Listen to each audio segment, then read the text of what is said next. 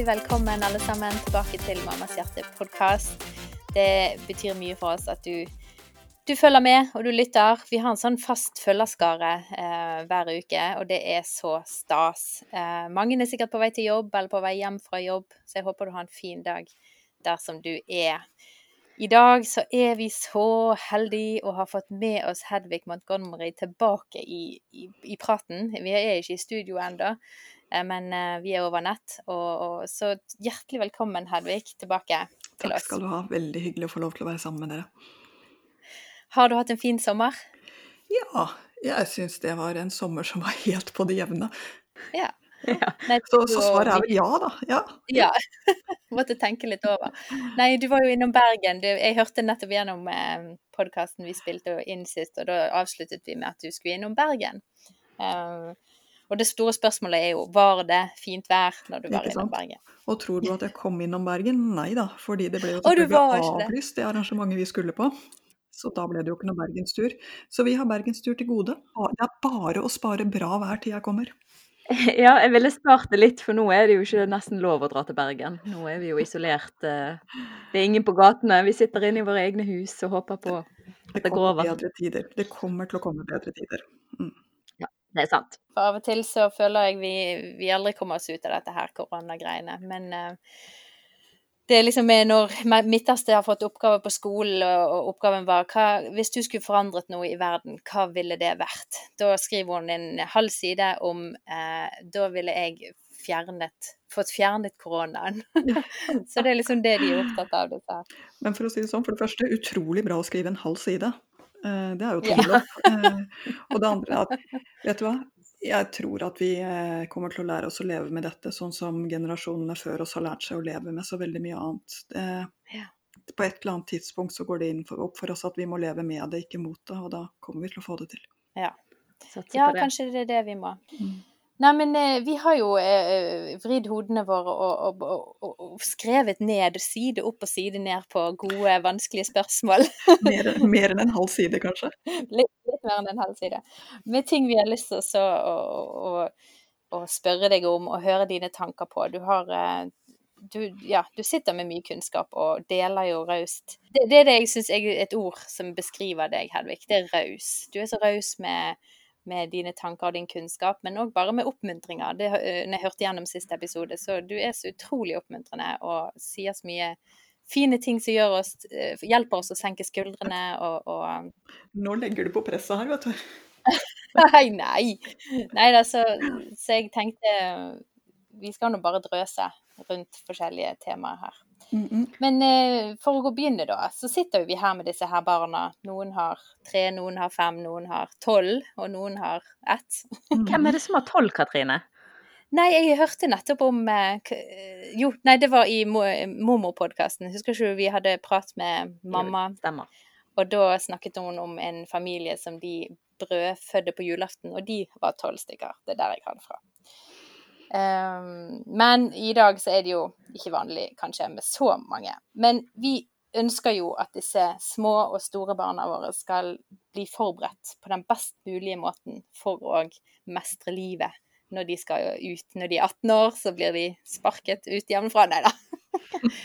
Men um, når de skal da ut og, og, møte verden, og vi ønsker å på en måte gi dem en verktøyskasse med de rette verktøyene for å håndtere det de vil møte. Så da er det litt eh, forskjellige ting vi hadde lyst til å spørre deg om. Hvor vil du begynne, Inger Nette? Altså, eh, vi snakket jo litt om det her med sant? Altså, vi har jo lyst til å være gode foreldre. Alle har jo lyst til å være gode foreldre. sant? Og så lager vi matpakker, vi prøver å stelle i stand ting for dem, vi prøver å hjelpe dem med det vi kan, osv. Men så er det litt det her med på en måte Hvis vi blir en sånn i anførselstegn perfekt forelder som har styr på alt, som på en måte hjelper de med alt, som dekker alle deres behov. Er det egentlig en perfekt forelder, eller gjør vi de en bjørnetjeneste? Ja, ikke sant.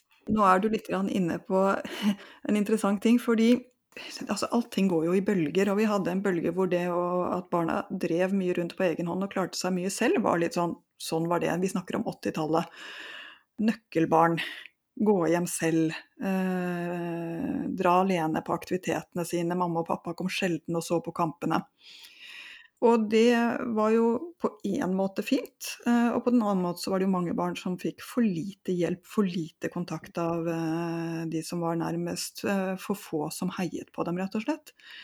Og så fikk vi en motreaksjon i 2010 ca., vil jeg si. Og da fikk vi denne kraftige at vi eh, kutter opp gulrøttene, vi hjelper dem med skoene, til og med borrelåsene tar vi på, oss, selv om det jo egentlig er derfor det finnes borrelås. Så det ble en sånn voldsom serviceinnstilling overfor barna. Og det tenker jeg er ikke så rart, for da har vi jo 80-tallistenes barn som kommer, ikke sant. De skal da få det motsatte, hvis du skjønner. Og så er spørsmålet er det fint, og så må jeg si ja, det er noe fint med det. Det er noe fint med det at foreldrene virkelig interesserer seg for barna, virkelig har tid til å følge opp, virkelig har lyst til å hjelpe. Altså Barna kjenner jo at det er noe fint. Men så har du det at det går an å gå i grøften her også, og det er kanskje det dere tenker på når dere snakker med meg nå. Nemlig at barn som blir serva, blir jo en arbeidsoppgave. De sliter jo ut foreldrene sine. Og hvor gøy er det å være arbeidsoppgave i sitt eget hjem? Du har jo ikke lyst til det. Det er jo bedre å kunne gå og hente sitt eget vannglass og kunne putte sin egen matboks i sekken og kanskje til og med ta den ut på slutten av dagen. Det er noen sånne ting som gjør at, eh, at det handler om å leve sammen og, og, gi og ta. Eh, og går du for langt i servingen, så, så, er det jo ikke noe gi og ta lenger. Da er det bare gi og gi og gi og gi, og gi helt til du har foreldre som er utslitte. Eh, og det er ikke noe gode foreldre, og det er ikke noe god følelse for barna har slitt ut foreldrene sine. Så jeg, jeg, er ikke noe i tvil om at dere er inne på noe. Altså pendelen har slått for langt i hjelpe til og serveretningen. Ja, så vil det jo bli at sant, Nå er jo jeg akkurat begynt på tenåringsfasen og, og uh, merker det at det er noen steg som trengs å tas her i forhold til hvilke ting som denne tenåringen trenger gjerne å lære i livet. da, med eh, sånn som du sier, ta ut matboksen. Altså, det er på ganske lavt nivå vi er på, eh, føler jeg. Eh, hjelpe til hjemme, gjøre en fast oppgave. At ikke alt bare skal bli eh, De forventer på en måte å få alt på gullfat, men at de også kan være med og bidra. For det er viktig å lære når de da skal ut i egen leilighet. Vi fikk jo også en liten sånn her nesten sånn flau episode, fordi at uh, han eldste han har vi på deltid. Og da, sant, jo mindre man ser det, jo mer kanskje energi har man da når vi bare hadde han. Og liksom være på. sant? 'Å, så kjekt å se deg', og liksom du duller og hjelper med alt, og god stemning. Og så kom vi på foreldresamtale i barnehagen, og så snakket de da om jeg vet ikke om han var rundt tre år eller noe sånt, snakket om hvor flink han var til å smøre på skivene. Og vi bare ja, kan han smøre på skivene, ja? Vi har aldri, aldri prøvd å la han få lov til ting. Så han har jo på en måte kanskje mistet litt sånne ting som plutselig fant ut at din sønn, som da var på et tidspunkt to år yngre, kunne dusje sjøl. Og så bare slo det meg sånn Ja, for det kan man jo lære de. Og ikke måtte stå der nede med de og styre og finne håndkle. Altså, man glemmer litt å lære de ting, da. Så de trenger å lære seg sjøl. Ja, men her er du faktisk inne på et litt sårt tema. Fordi det du forteller nå, er egentlig noe som er veldig, veldig fint, og også litt sårt. Nemlig at barn som er så heldige at de har to hjem, de har jo på en måte dobbelt opp, ikke sant? flere voksne som er interessert, flere steder å, å finne seg til rette.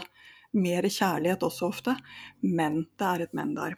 Og det er at de er jo også på en måte velkomne gjester i to hjem.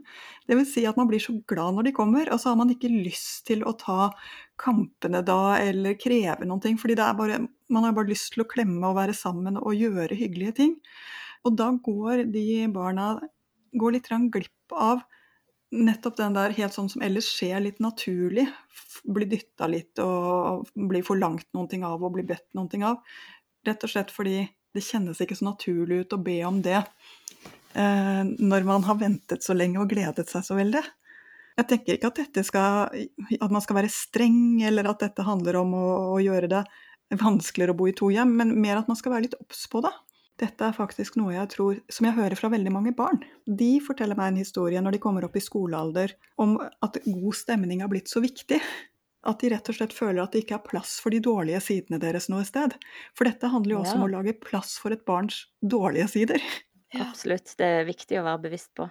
Det er veldig fint du sier. Ja, for det er jo eh, sikkert mange flere som opplever samme situasjon, og at dette kan være en utfordring der vi snakket litt i forpraten om dette med at man kan jo ikke begynne med en ettåring og eh, fortelle at han må dele eh, lekene sine kanskje med en fetter eller kusine. De vil ikke forstå det. Det fins visse sånne alderstrinn for forskjellig utvikling, forskjellige ting vi kan forvente som forelder. Kunne du bare kjapt liksom fortalt oss? Det som er eh, egentlig litt rørende, det er jo at eh, det vi snakker om når vi snakker om at barna skal kunne flytte hjemmefra og klare seg selv, det er jo nettopp at vi snakker om at vi skal ha gitt dem en god oppdragelse.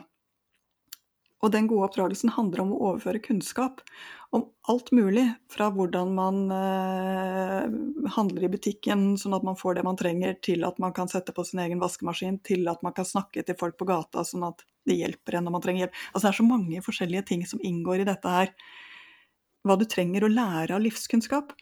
Men vi legger ofte kruttet på feil sted.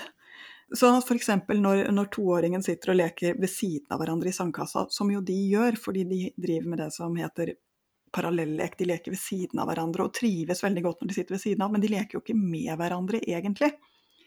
Og så plutselig så tar det ene barnet, finner ut at den andre sitter med en spade som hun har lyst på, så tar hun den. Sånn er det å ha en toåring. Og så kommer foreldrene stormende til og tar spaden fra henne og, og sier høylytt nei og ikke, og sier at du må lære deg å dele. Og den toåringen begynner da selvfølgelig å gråte helt hjerteskjærende, for det skjønner hun ingenting av. Og det er faktisk sant. Da er det viktig å vite dette. Det skjønner hun virkelig ingenting av. Fordi den der evnen til å ta et perspektiv, til å se noe fra et annet synsvinkel, det er en utvikling som skjer i hjernen rundt fire års alder, såpass sent som fire år. Såpass sent, ja. ja. Mm. Eh, og det er ganske interessant, for dette er jo målt ved at man forteller barn en historie som er omtrent slik. Max eh, går hjem fra barnehagen sammen med mamma, og på veien hjem så kjøper de en sjokolade. Og så kommer de hjem, og så bestemmer de seg for å gå ut og leke før de spiser sjokoladen, så de legger den på kjøkkenbenken og går ut. Og mens de er ute, så kommer pappa inn, ser sjokoladen, jeg vet dette er lite sannsynlig, men poenget er at han legger den i skapet i denne historien. Han rydder. Ja. Og så spør man treåringene hvor kommer Max til å lete etter sjokoladen når han kommer inn. Man stiller det spørsmålet til treåringer, og man stiller det spørsmålet til fireåringer. Og da er det utrolig interessant at treåringene sier 'i skapet', så klart. Mens fireåringene sier Stakkars Max, han aner ikke hvor han skal lete, for han var jo ute, og så tok pappa og la den i skapet. Og til og med syns de det er ganske gøy å snakke om dette her, for det er, det er liksom De har skjønt noen ting som de til og med selv vet at de ikke skjønte før. Ja. ja så de ler av den historien og syns den er ganske morsom og blir veldig engasjert i den. Fordi de skjønner at her er stakkars Max, han er ille ute. Han kommer inn, og sjokoladen er vekk, ikke sant. Mens treåringene, de er allvitende. De liksom de har ikke noe forståelse av disse forskjellige perspektivene, så de sender bare Max rett i skapet, for der ligger han jo. Mm. Ja, sant. I, I, frustrasjon rundt på en måte denne selvstendighetsalderen, så leste jeg litt psykologi. Og da leste jeg faktisk akkurat det, og det reddet hele greien for meg. Å vite Ja, men da, da preppet jeg meg sjøl. Når da han hylte om natten og holdt meg våken, så bare altså, sa jeg bare til meg sjøl Han har ikke hjernekapasitet til å forstå at dette er kjipt for meg. Han vil bare bli tatt opp. og så liksom bare sa jeg det til meg sjøl hver gang. Og for meg så løsnet det hele greien, altså. Bare å vite. Kjempefint. Det er så fint når du skjønner. Ja. Så poenget er i hvert fall å prøve å lære bort til ting til barn som ikke er modne nok for det ennå, det er ikke noe særlig poeng i. Og det samme er å lære dem eh, å kneppe jakken selv når det er for kompliserte knapper eller vanskelige ting å, å holde på med før de har den fingermotorikken og, og, og, skjønner det. Det er ikke noe særlig vits i. Så man må hele veien tilpasse at det barna skal lære, er det de er i stand til å lære, og som er nyttig for dem å kunne der og da. Så jeg pleier å si at frem til barna er 18 måneder, da er det bare å si ja og hjelpe dem og legge til rette for hva det måtte være, og, og hindre at de havner i farlige situasjoner eller vanskelige situasjoner. Det er rett og slett en forelskelsesfase. Mm. Ja. Distrahering. Det er vel kanskje nøkkel. Bare se leken! Se den gøye leken! Ja. Eh, og så er det gradvis opp til fire års alder at man rett og slett bare hjelper dem ut av vanskelige situasjoner og viser dem at det går bra, og viser at du er til hjelp. Men så kommer jo alle disse årene hvor de kommer mer og mer til å lære seg å gjøre selv, og har lyst til å gjøre selv. Og det er jo en interessant ting. Barn liker å være til hjelp. De liker samarbeid. De liker å, å rett og slett få lov til å være en del av oss som holder på med ting. Så da er det veldig mye som handler om å sette av tid nok til å gjøre sammen. Og det kan jeg love deg. Boller som er bakt sammen, smaker uendelig mye bedre enn boller man har fått. Eh, Grønnsakssuppe man har eh, vært med på og laget sammen, smaker utrolig mye bedre enn bare grønnsakssuppe. Og slik, altså den der lysten til å samarbeide, tror jeg av og til vi, vi blir så stressa at vi ikke helt merker. Eh, Fordi det går alltid fortere for oss å bake bollene, vi kan det. Det går alltid fortere for oss å kutte gulrøttene, vi, vi er kjappere. Eh, Og så går vi glipp av alle de der små øyeblikkene hvor faktisk overføring skjer, egentlig. Ja, så bra sagt. Å være litt obs på de øyeblikkene, da. Mm, Inni alt kaoset og stresset. mm. Jeg hadde en magisk opplevelse apropos bollebaking. Han kan ikke ha vært mer enn tre og et halvt. Der jeg forklarte nøye til han at han skulle få lov til å hjelpe med alle tingene, men akkurat eggene, de ville jeg ta sjøl, for det kunne komme skall. Og han aksepterte det, det var helt fair, fair. Og så fikk jeg jo selvfølgelig jeg skall oppi likevel. Og så der han bare bøyer seg over bollen, stirrer ned i bollen og ser rett på meg, og så sier han 'skall', og du er ikke så liten som meg.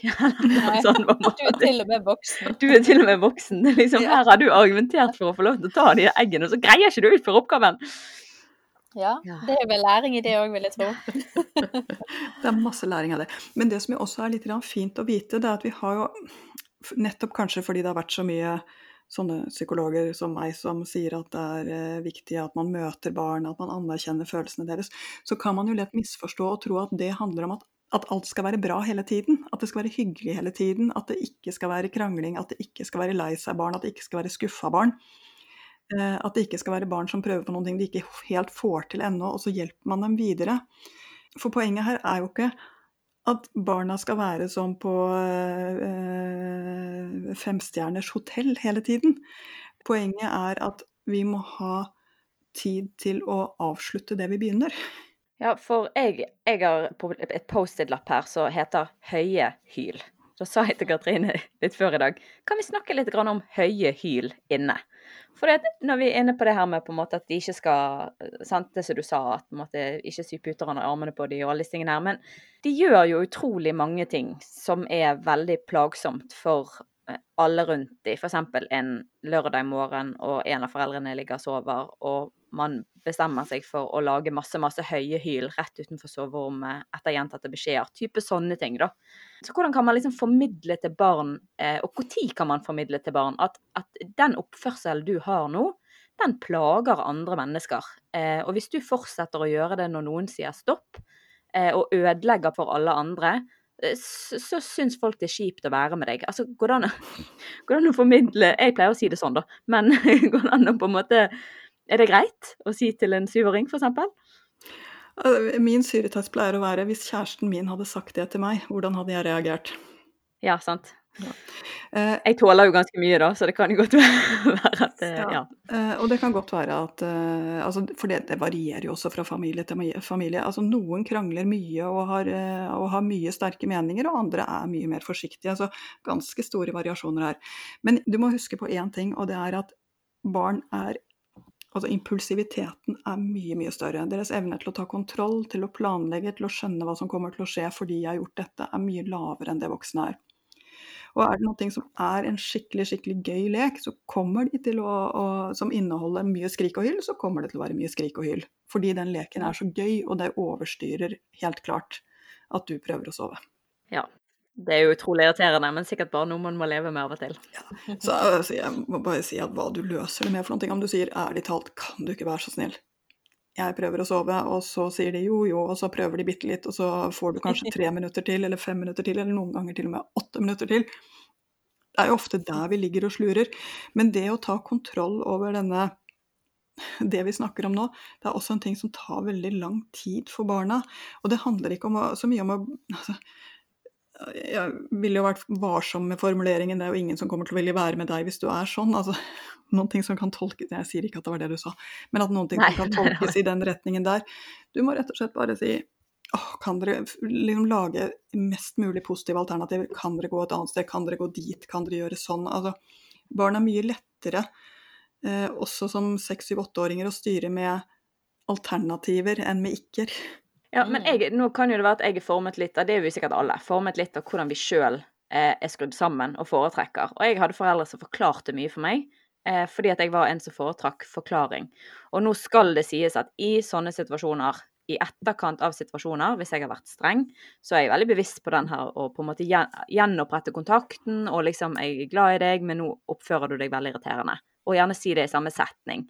At jeg er akkurat like glad i deg, det er ingenting du kan gjøre som gjør at jeg blir mindre glad i deg, men jeg får ikke så veldig lyst til å være i samme rom som deg når du hyler så høyt. Altså mm. sånne ting. Mm. Men òg sånne ting som at hvis han hadde liksom stått og slått på låret mitt eller noe sånt, sånn at det faktisk gjør vondt, så jeg vet ikke. Jeg, jeg syns det fungerer veldig greit å si ikke slå. Det er ingen som liker å bli slått. Og så gjerne si det to ganger. Og så tredje gangen så ser inn i øynene og si det er ingen som liker å bli slått. Mm. Hvis du fortsetter å slå folk når de sier at de ikke vil bli slått, eh, så kommer de akkurat, akkurat da, da eventuelt, sant? da kommer ikke de til å ha lyst til å være med deg, da kommer de til å gå. Fordi at folk liker ikke å bli slått, det er vondt å bli slått. Og jeg syns i hvert fall det fungerer i vår situasjon, da, og har opplevd at det blir blir mottatt. Men det handler jo litt om sånn at jeg hadde foretrukket å få det på den måten. Mm.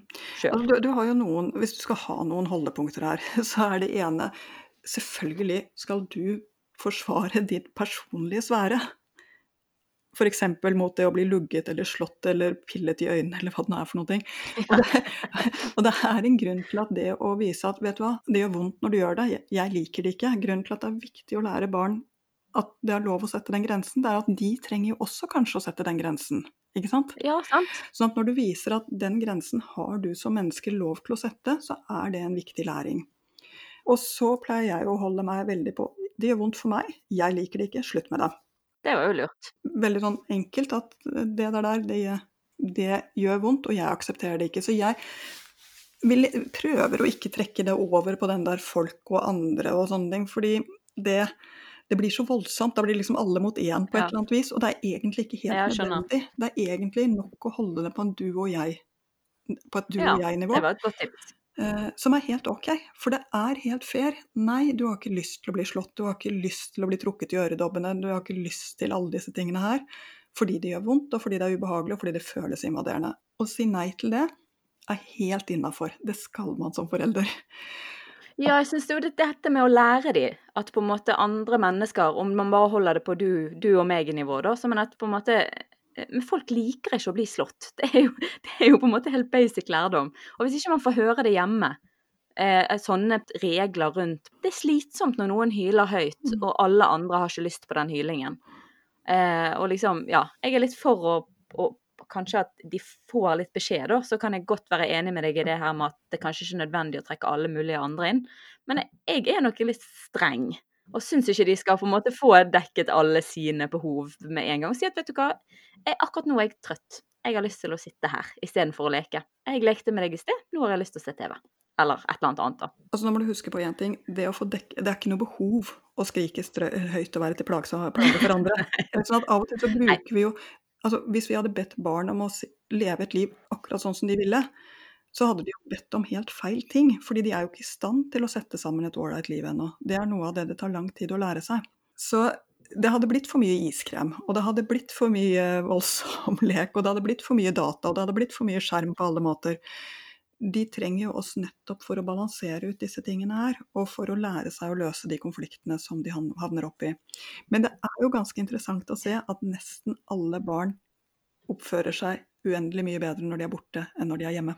Det er helt sant. Mm. Og det er helt tydelig at selv de barna som, eh, som foreldrene selv oppfatter som at de ikke klarer å rydde av bordet, at de ikke klarer å, å slutte å, å snakke altfor høyt når de blir engasjert, eller hva det kan være for noe. De klarer det ute, for de vet jo egentlig. Og det tror jeg også vi foreldre skal være klar over, at de får mye mer av denne kunnskapen enn det vi av og til frykter. Det er sant. Eh, men for å dra det litt eh, inn i en annen ting som jeg lurte litt på. For dette før, i gamle dager kan vi kanskje si, så var jo dette med høflighet og dannelse veldig, veldig viktig. Jeg husker eh, min mann har fortalt om at en av de viktigste tingene for hans foreldre var det at han reiste seg når han eh, når noen gikk fra bordet. Altså det var på det nivået, tok av seg på hodet når de gikk inn i kirken, og hilset i hånden til besteforeldre. Var, de hadde veldig strenge sånne her ting. Og jeg føler mye ut av denne høfligheten. Nå trenger, tenker ikke jeg at vi skal tilbake til, til alle disse reglene, da, men nå tenker jeg på litt av den tanken med at eh, rett og slett vise respekt overfor både foreldre, besteforeldre, lærere, personer som på en måte man skal Autoritetspersoner over en, da. Har vi mistet helt Jeg føler pendel, sånn som du nevnte i sted, pendel svinger liksom helt i andre enden. Eh, nå når barna er på besøk hos besteforeldre, så er det liksom beina på bordet og iPaden på fanget, og det er ikke takk etter maten, og, og liksom Hvor er vi henne oppi her? Er det for langt å forlange og forvente og, og, egentlig si ganske tydelig til dem at eh, når vi er hos besteforeldre, for eksempel, da, så, så takker vi, og vi klemmer, og vi sitter med bord og spiser det som de blir servert? av? Nei, altså jeg vet ikke. Det er jo mye fra den 50-tallsoppdragelsen jeg er glad for at vi ikke har. F.eks. dette her at barn var mindre verdt enn voksne. Eh, jeg kjenner vel at det mm. er helt i orden at Samtidig så tror jeg barn oppfatter at det er mye sosiale koder og veldig mye sosiale regler de lærer seg, bare at det er andre steder og på andre måter. Hvordan de svarer på SMS-er f.eks., som de man sikkert ikke lærte så mye av det må jo de lære seg på ordentlig nå. Hvordan man oppfører seg på, um, på Instagram, kan de mer om enn det.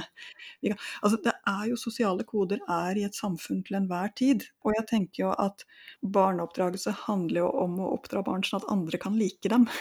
Hvis du skjønner. Mm. Uh, og det er, det er, jo det nivået vi snakker om. At barna uh, blir oppfattet som positive når de er ute. Og for noen barn er det kjempelett. De er mye i kontakt, eh, hever blikket, er interesserte, mens andre er mer sjenerte og trenger å lære seg noen strategier, sånn at de ikke skal føle at det blir slitsomt for dem. Altså at de rett og slett ikke vet helt hvordan de skal gjøre det. Og på mange måter kan du si at det der ta i hånden og hils ordentlig, det er jo en strategi som gjør at også de som er litt forsiktige, kommer seg gjennom dette her og kommer ut på en måte hvor det er lett å like dem, ikke sant.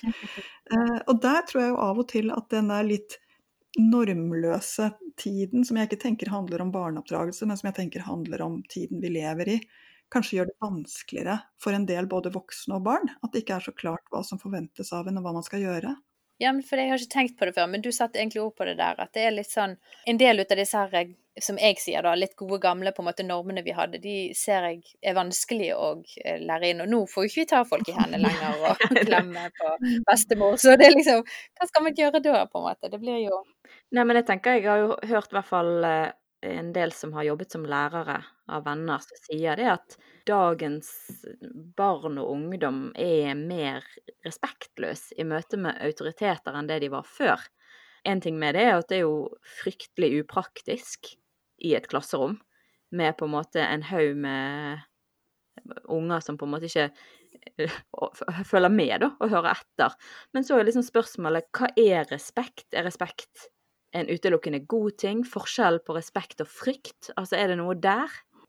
Jeg må bare si at jeg, jeg tenker jo hver gang jeg hører sånne ting, at uh, dette fortellingen om at barna i dag og ungdommen i dag er verre enn noen gang før, sjelden viser seg å stemme i ettertid.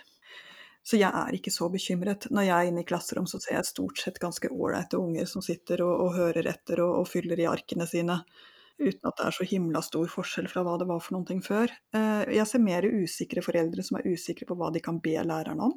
Det er sant. Mm. Og jeg ser eh, at en del barn, nettopp fordi vi ikke har disse sånn 'sånn gjør vi det', de trenger å bli lært opp i det at sånn hilser vi, og sånn gjør vi det når vi kommer om morgenen. Altså de trenger mye av det der. der.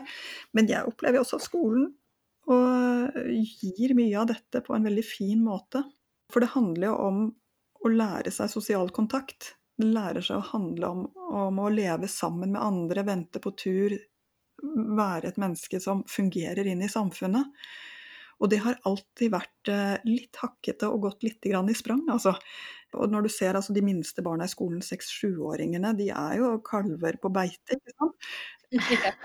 og de har jo som prosjekt veldig mye å holde på med disse store følelsene sine, finne ut av seg selv. Og så ser du de som blir 10-11 år, som har som prosjekt å finne ut av hverandre og hvem de har lyst til å være sammen med, og hvem de trives med, hvor de fort blir faktisk ganske ubehagelige og bøllete mot hverandre for å holde andre ute, ikke sant. Mm. Eh, sånn har det alltid vært. Det er ikke noe nytt i dette her. Vi bare kanskje ser det på en annen måte, eller snakker om det på en annen måte. Tenåringene som blir usikre og, og begynner å, å, dele sine små hemmeligheter, men også lettere forrår hverandre. Skjedde før det også, altså. Så jeg ser ikke helt at dette går i feil retning, heller ikke i, i riktig retning, hvis du skjønner hva jeg mener. Jeg bare ser at, at det er litt andre måter vi snakker om det på, og jeg tror kanskje også at vi er mer bekymret enn det vi trenger å være. Ja. Jeg hørte den podkasten din eh, ganske nylig, Hedvig, om dette her med barnehagestart og skolestart og sånn. Jeg har jo en som har begynt i barnehage. Og den hjalp meg en del i forhold til det å være trygg.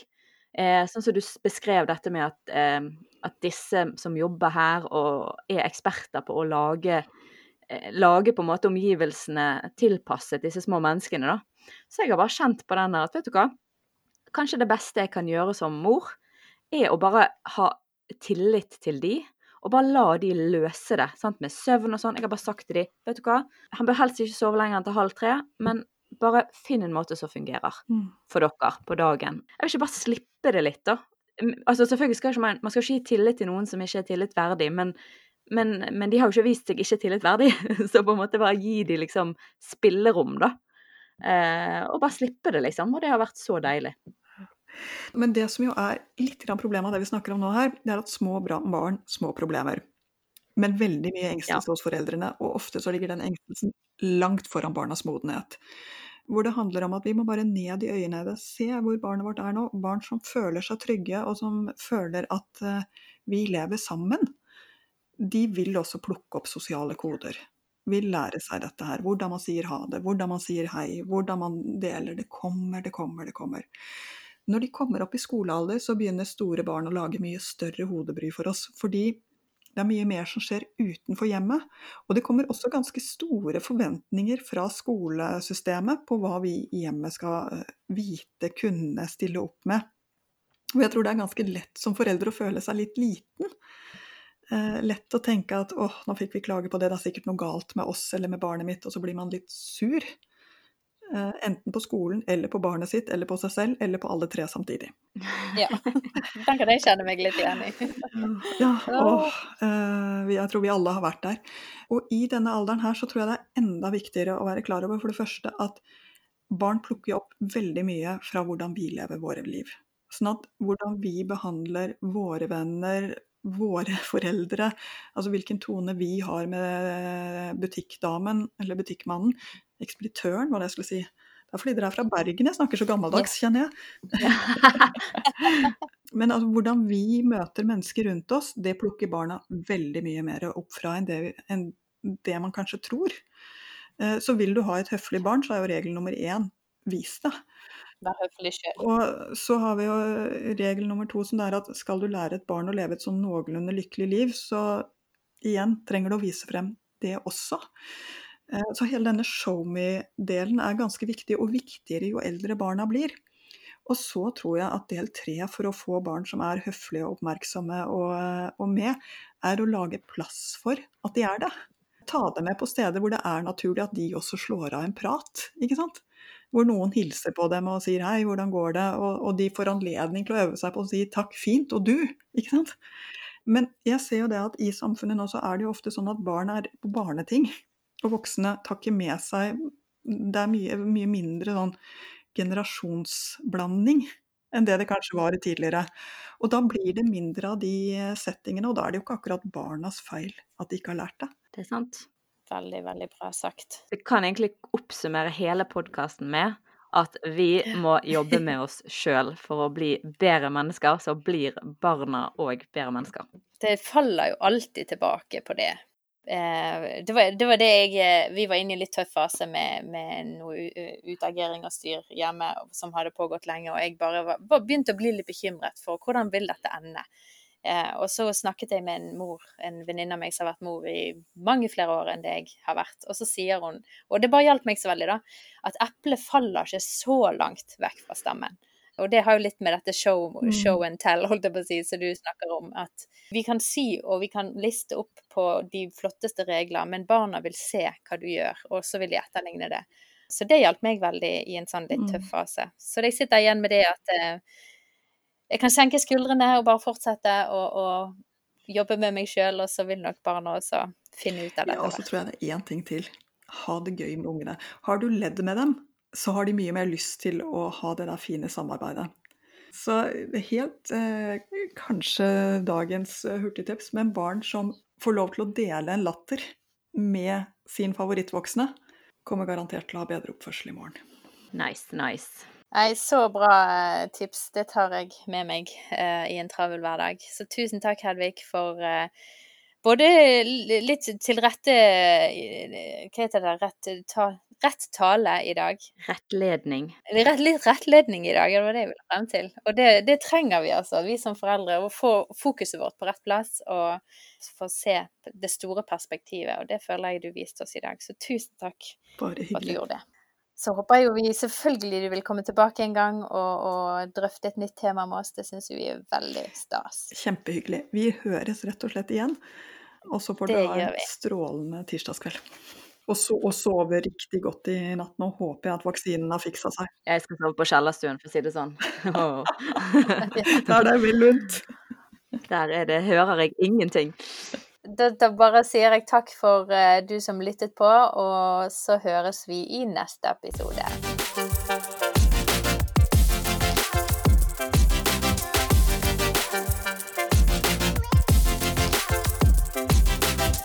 Du har spørsmål, tilbakemeldinger eller ting du tenker på rundt det vi snakket om i dag, så har vi veldig lyst til å snakke med deg.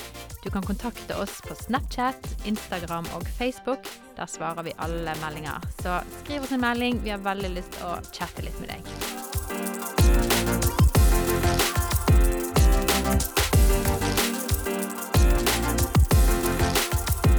Denne podkasten er produsert i samarbeid med Tro og Media og Familiesenteret.